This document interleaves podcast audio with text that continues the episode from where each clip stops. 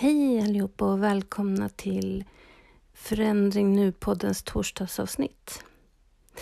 I de här avsnitten som sänds på torsdagar så tar jag upp fantastiska kvinnor genom historien som jag tycker att alla ska veta mer om. Ni som har hört måndagsavsnitten och känner att ni vill dela mer av er berättelse eller om ni har tips på någon kvinna som ni tycker att jag skulle ta upp i de här avsnitten så kan ni antingen gå in via poddens Instagram och kontakta mig där. Eller så kan ni skriva mejl till podd understreck forandring nu outlook.com. Men nu tycker jag vi tar och drar igång avsnittet.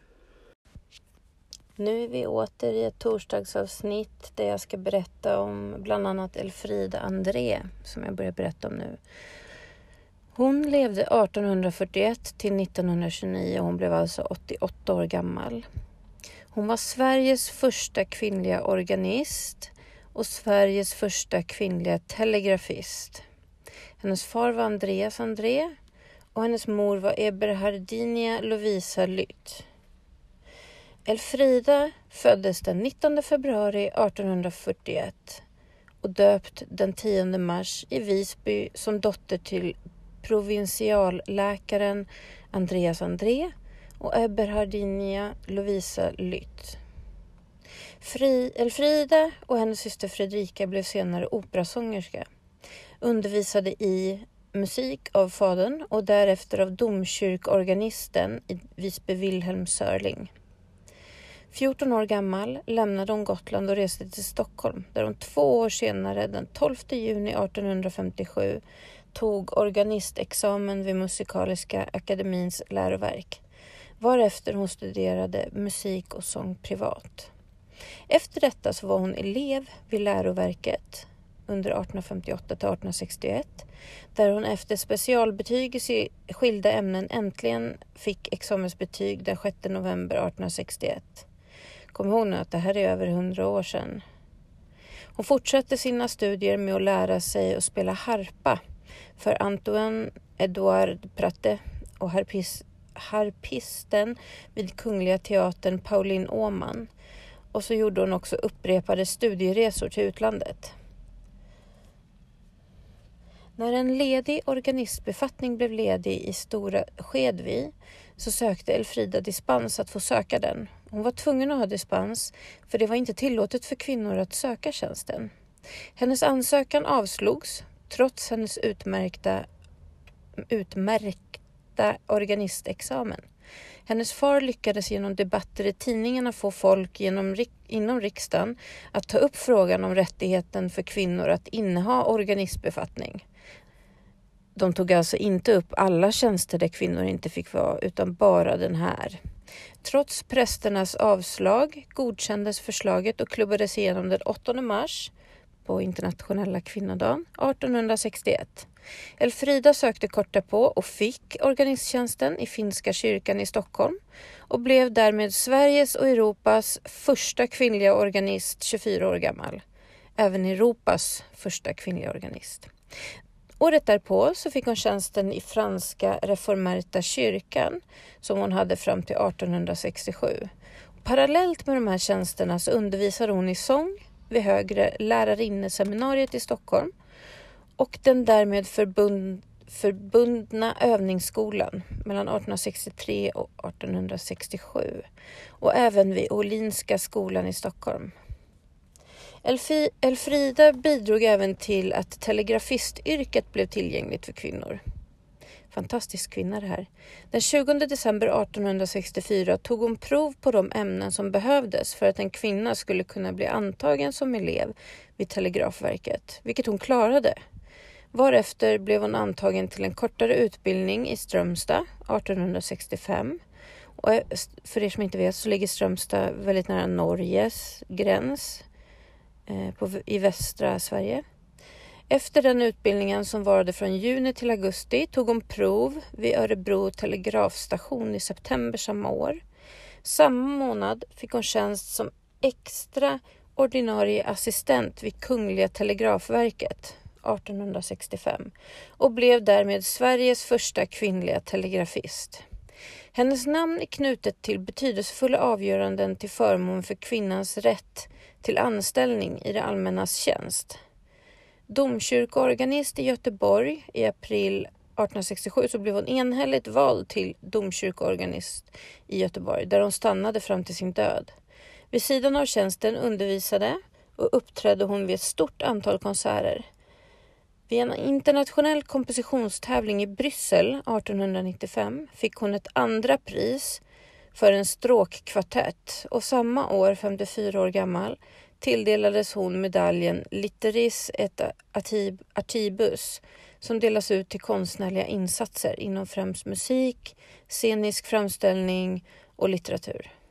Och från 1902 så var hon ledare av de så kallade folkkonserterna i Göteborg. Som tonsättarinna så har hon skapat ett flertal värdefulla kompositioner av såväl större som mindre omfattning. 1904 dirigerade hon själv sin symfoni i A-moll samt en ouvertyr för orkester vid en konsert i Dresden som sägs ha varit hennes största framgång. Hon komponerade kammarmusik och symfonier, orgelmusik, operan Fritjofs saga med text från Selma Lagerlöf och balladen Snöfrid med text av Viktor Rydberg, inklusive två stora mässor. Över hundra kompositioner finns bevarade efter Elfrida. Idag är spårvagn 380 i Göteborg uppkallad efter henne och det finns ett gymnasium i Visby som bär hennes namn. Elfrida, 87 år gammal, dog den 11 januari 1929 i Göteborg och begravdes på Norra begravningsplatsen i Stockholm.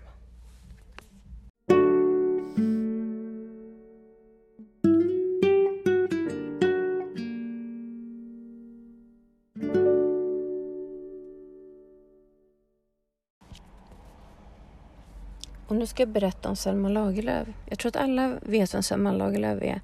Men det är inte många, i alla fall när jag gick i skolan så gick man inte in på detalj kring till exempel Selma. Selma Ottilia Lovisa Lagerlöf föddes den 20 november 1858 på Mårbacka gård i Östra Ämtervik i Värmland. Som dotter till löjtnanten och godsägaren Erik Gustav Lagerlöf och Elisabeth Lovisa Wallroth. Hennes mamma var 31 år när hon födde Selma, vilket var ganska sent på den tiden. Selma var sjuklig från barndomen och ägnade därför mycket tid till att studera och läsa. Redan när hon lärde sig att läsa så vaknade lusten att skriva. Och under de sista åren som hon bodde hemma så gjorde hon några försök att skriva vers som emellertid inte gav något gensvar. Och vid 23 års ålder så begav hon sig hemifrån för att skaffa den utbildning som hon ansåg att hon behövde. Efter ett års studier på Sjöbergs Lyceum, en flickskola i Stockholm, så fick hon inträde vid Högre lärarseminariet där hon sedan var i tre år. När hon var 27 år gammal, det här var 1885, så tog hon tjänst som lärarinna vid en skola i Landskrona. Hon hade förhoppningar om att kunna ägna sig åt sitt författarskap på sin fritid, men lärarinnetjänsten tog för mycket tid i anspråk. På våren 1890 så utlyste tidningen Idun en tävling och hon sände då in de fem första kapitlen ur Gösta Berlings saga. Hon vann tävlingen och väckte allmän uppmärksamhet. Och efter det så tog hon tjänstledigt från sitt jobb som lärarinna och 1891 så gav hon ut Gösta Berlings saga. Med vild fantasi så hade hon trollat fram och diktat om händelser från 1830-talets Värmland och med kraftig gestaltningsförmåga skapat en samling egendomliga figurer från en gången tid. Romanen mötte dock ett kyligare mottagande och åtskilliga hårda kritiker från de första fem kapitlen som kom ut. Eftersom boken sålde så dåligt så kunde hon inte leva på det så, ifrån det, så hon beslöt sig för att gå tillbaka till sitt jobb som lärarinna. Under några år gav hon inte ut något annat än några noveller för jultidningar. Efter att Gösta Berling kom ut i Danmark 1892, där den blev mycket omtyckt, så ljusnade det lite grann. 1895 kom den ut i ny upplaga i Sverige och nu var det fler som köpte den. Så 1894 gav hon ut Osynliga länkar som med tiden blev översatt till danska, holländska, tyska, finska, franska, italienska, spanska, ryska och engelska. Och på den här tiden så var det inte jättevanligt. Året därpå, 1895, fick hon ett understöd från kung Oscar II och prins Eugen och även ett litet bidrag från Svenska Akademin. Då beslöt hon sig för att lämna tjänsten som lärarinna och satsa på författarskapet. Tillsammans med väninnan och författarinnan Sofie Elkan gjorde hon en studieresa till Italien och vid hemkomsten kom, kom hon att ge ut romanen Antikrists mirakler 1897 som var en skildring av sicilianskt folkliv. Samma år bosatte hon sig i Falun. 1899 kom en samling noveller ut, bland annat Drottningar i Kungahälla och även romanen En herrgårdsägen som handlade om en ung sinnessjuk man som blev frisk genom en ung kvinna. Åren 1899 till 1900 så gjorde hon en resa till Orienten, bland annat Palestina och vid hemkomsten gav hon ut första delen av storverket Jerusalem. Andra delen kom ut 1902 och hette I det heliga landet. Två år senare så kom Kristuslegender och Herr Arnes pengar ut. Den sistnämnda handlar om en hemsk brottmålshistoria från gamla dagar. Nils Holgerssons resa del 1 och 2 kom ut mellan åren 1906 och 1907 och är en läsebok för barn som handlar om Sverige. Hon blev också hedersdoktor vid Uppsala universitet 1907. Året därpå kom En saga om en saga och andra sagor ut där hon bland annat skriver om sitt eget genombrott som författare. Selma fick Nobelpriset i litteratur 1909 för boken Nils Holgerssons underbara resa. Detta var första gången som en svensk fick Nobelpriset i just litteratur och även första gången som en svensk kvinna fick pris överhuvudtaget. År 1914 var hon även den första kvinnan att bli invald i Svenska Akademin. Vid 1911 års stora kvinnliga rösträttskongress höll hon ett beundrat tal Hem och stat som sedan trycktes och publicerades. Selma gifte sig aldrig och enligt uppgift så var hon lesbisk och hade två längre förhållanden med kvinnor i sitt liv. Ett med Sofie Elkan som tidigare varit gift och hade en dotter och ett med Valborg Henrika Olander. Selma dog den 16 mars 1940, 81 år gammal och begravdes på Östra Ämterviks kyrkogård i Värmland.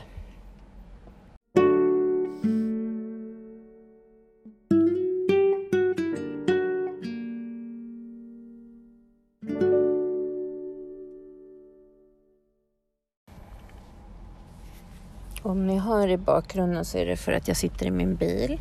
Nu ska jag berätta också om Dorothy Parker. Dorothy Parker, hon föddes Dorothy Rothschild 22 augusti 1893 och levde fram till 7 juni 1967. Hon var en amerikansk poet och satiriker. Trots en berg och dalbana i en karriär som inkluderade en tid på en Hollywood-svartlista producerade Parker en stor volym kvicka framgångsrika verk som har uthärdat. Dorothy Parker föddes till Jacob Henry Rothschild och hans fru Eliza i Long Beach, New Jersey, där hennes föräldrar hade en sommarstrandstuga. Hennes far härstammade från tyska judiska köpmän vars familj hade bosatt sig i Alabama ett halvt sekel tidigare och hennes mor hade skotsk arv. Ett av hennes fars syskon, hans yngsta bror Martin, dog i Titanic när Parker var 19 år gammal.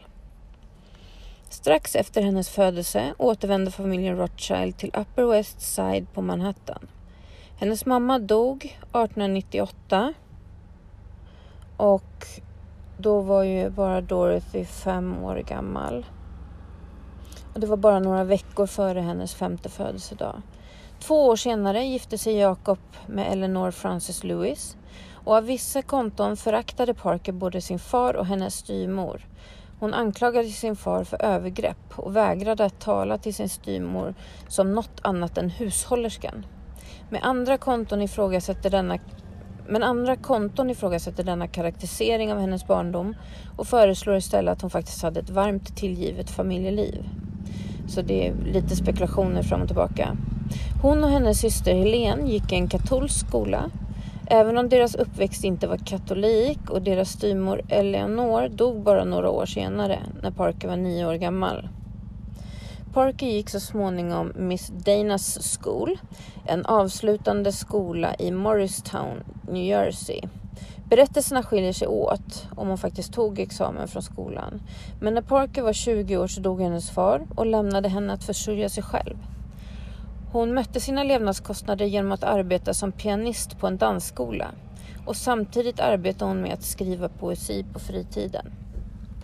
1917 så träffade Parker en börsmäklare på Wall Street som precis som hon var lika gamla, de var lika gamla. De gifte sig ganska snabbt innan Edward lämnades för att tjäna i armén under första världskriget.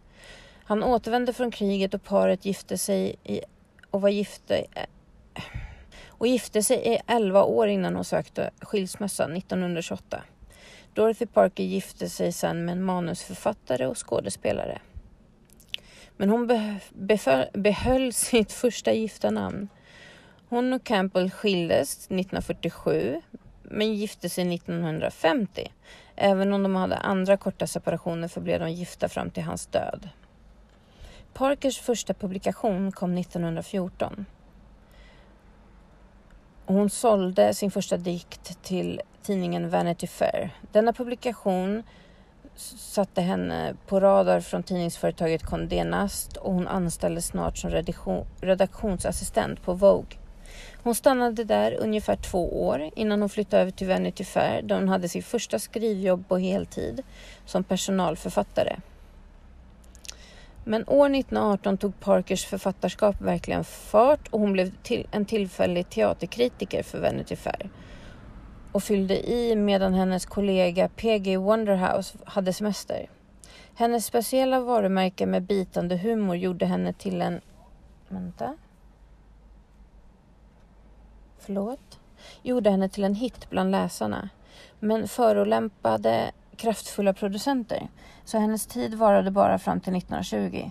Under sin tid på Vanity Fair så träffade hon flera författare inklusive humoristen Robert Benchley och Robert E. Sherwood. De tre började en tradition av luncher på Algonquin Hotel och grundade det som kallas Algonquin Round Table, en krets av New York-författare som träffades nästan dagligen för luncher där de utbytte kvicka kommentarer och lekfulla debatter.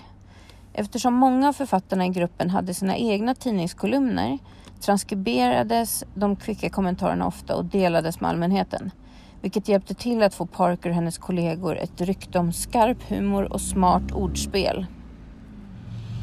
Pa Parker avskedades från Vanity Fair för sin kontroversiella kritik 1920 och hennes vänner Benchley och Sherwood avgick sedan från tidningen i solidaritet och i protest. Men det var inte ens nära slutet av hennes tidskriftskarriär.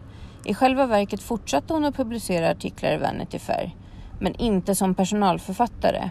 Hon arbetade för Ainsleys Magazine och publicerade också artiklar i populära tidskrifter som Ladies Home Journal och Life och Saturday Evening Post. År 1925 grundade Harold Ross The New Yorker och bjöd in Parker och Benchley att gå med i redaktionen. Hon började skriva innehåll för tidningen i dess andra nummer och hon blev snart känd för sina korta vassa dikter. Parker bryter till stor del ut sitt eget liv för mörkt humoristiskt innehåll och skriver ofta om hennes misslyckade romanser och till och med beskriver självmordstankar. Och det här var alltså i början av 1900-talet. Kom ihåg det. Under 1920 så publicerade hon över 300 dikter bland många tidskrifter. Parker riktar sin uppmärksamhet mot teatern kort 1924 och samarbetar arbetade med dramatikern Elmer Rice för att skriva Close Harmony. Trots positiva recensioner stängdes det efter bara att ha kört 24 föreställningar på Broadway.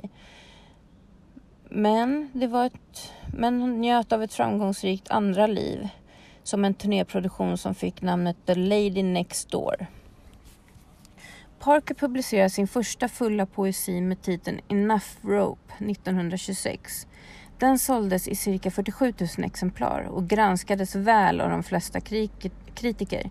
Men om en del avvisade den som ytlig flapperpoesi så var det många som tyckte om den också. Under de närmaste åren så släppte hon flera samlingar av konstverk in inklusive poesi och noveller.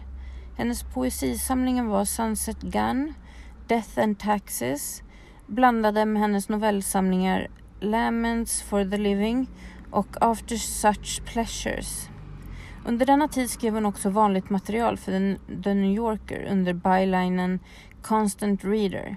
Hennes mest kända novell Big Blonde publicerades i tidningen The Bookman och tilldelades O.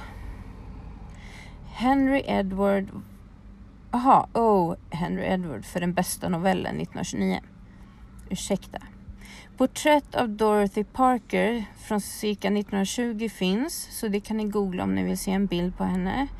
Trots att hennes författarkarriär var starkare än någonsin så var Parkers personliga liv något mindre framgångsrikt, vilket naturligtvis bara gav mer foder för hennes material. Parker undvek sig inte att skämma bort sig själv. Hon skilde sig från sin man 1928 och började därefter på, fler, på flera romanser, inklusive sådana med utgivaren Seward Collins och reporter och dramatikern Charles MacArthur. Hennes relation, relation med MacArthur resulterade i en graviditet, men hon avslutade graviditeten. Alltså avbröt den. Även om hon skrev om denna period med sitt varumärkesbitande humor kämpade hon också privat med depression och försökte till och med självmord vid en viss tidpunkt. Parkers intresse för social och politisk aktivism började redan på allvar under slutet av 1920. Hon arresterades på häpnadsväckande anklagelser i Boston när hon reste dit för att protestera mot de kontroversiella dödsdomarna för Sacco och Vanzetti, italienska anarkister som hade dömts för mord trots bevisen mot att de hade fallit samman. Deras övertygelse misstänktes till stor del vara en resultat av anti-italienska och anti-invandrare känslor. Under 1932 så träffade Parker Alan Camper, en skådespelare och manusförfattare och före detta underrättelsetjänsteman och de gifte sig 1934. Paret flyttade tillsammans till Hollywood där de tecknade kontrakt med Paramount Pictures och så småningom började göra frilansarbete för flera studior. Under de första fem åren av sin Hollywood-karriär fick hon sin första Oscar-nominering. Hon, Campbell och Robert Carson skrev manuset till filmen A Star Is Born från 1937 och nominerades till första, nej, och nominerades till bästa originalmanus. Hon fick senare ytterligare en nominering 1947 för att skrivit Smash Up Story of a Woman under den stora depressionen så var Parker bland de många konstnärer och intellektuella som blev mer högljudda i sociala frågor och medborgerliga rättigheter. Och de blev mer kritiska till myndighetspersoner. Även om hon kanske inte själv varit kortbärande kommunist så sympatiserade hon verkligen med några av deras orsaker. Under det spanska inbördeskriget rapporterade hon om republikanska sak för den kommunistiska tidningen The New Mosses. Hon hjälpte till att grunda Hollywood Anti-Nazi League och med stöd av europeiska kommunister som FBI misstänkte var en kommunistisk front. Det är oklart hur många av gruppens medlemmar som insåg att en stor del av deras donationer finansierade kommunistpartiets aktiviteter.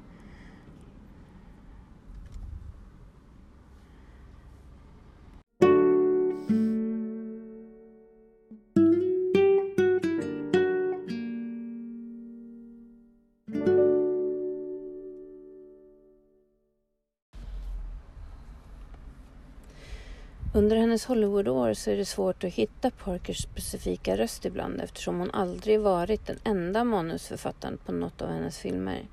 Element av ambition och olycklig romantik dyker upp ofta. Som i A Star is Born, The Fan och Smash Up The Story of a Woman. Hennes specifika röst kan höras i enskilda dialograder men på grund av karaktären av hennes samarbeten och Hollywood studiosystemet vid den tiden så är det svårare att diskutera de här filmerna i samband med Parkers övergripande litterära produktion.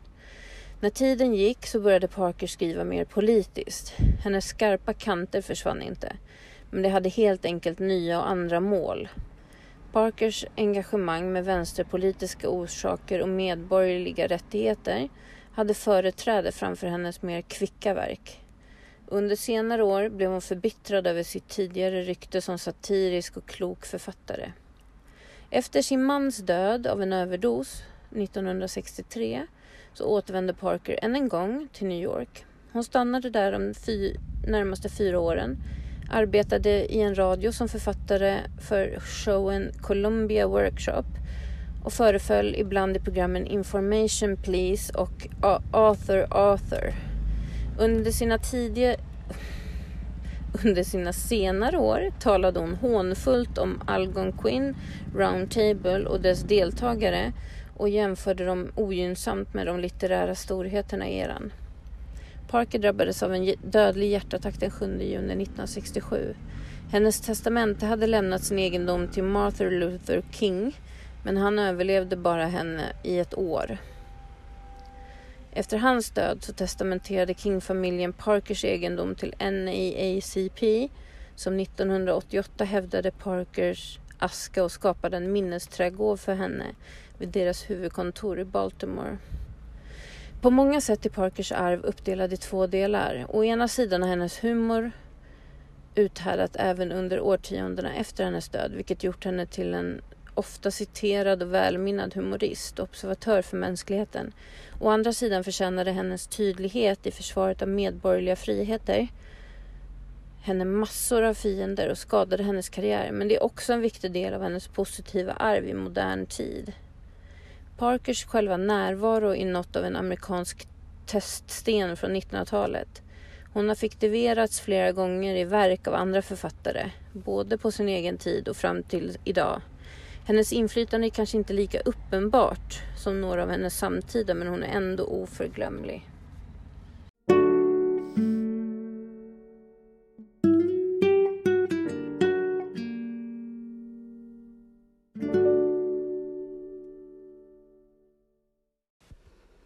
Det var allt hörni för det här avsnittet. Ni som vill dela er berättelse kring våld i nära relation, ni kan vara både offer för det eller anhörig. Ni kan nå mig på poddens Instagram eller på poddens mail podd understreck forandringnu outlook.com. Ta hand om er och varandra så hörs vi i nästa avsnitt. Hej så länge!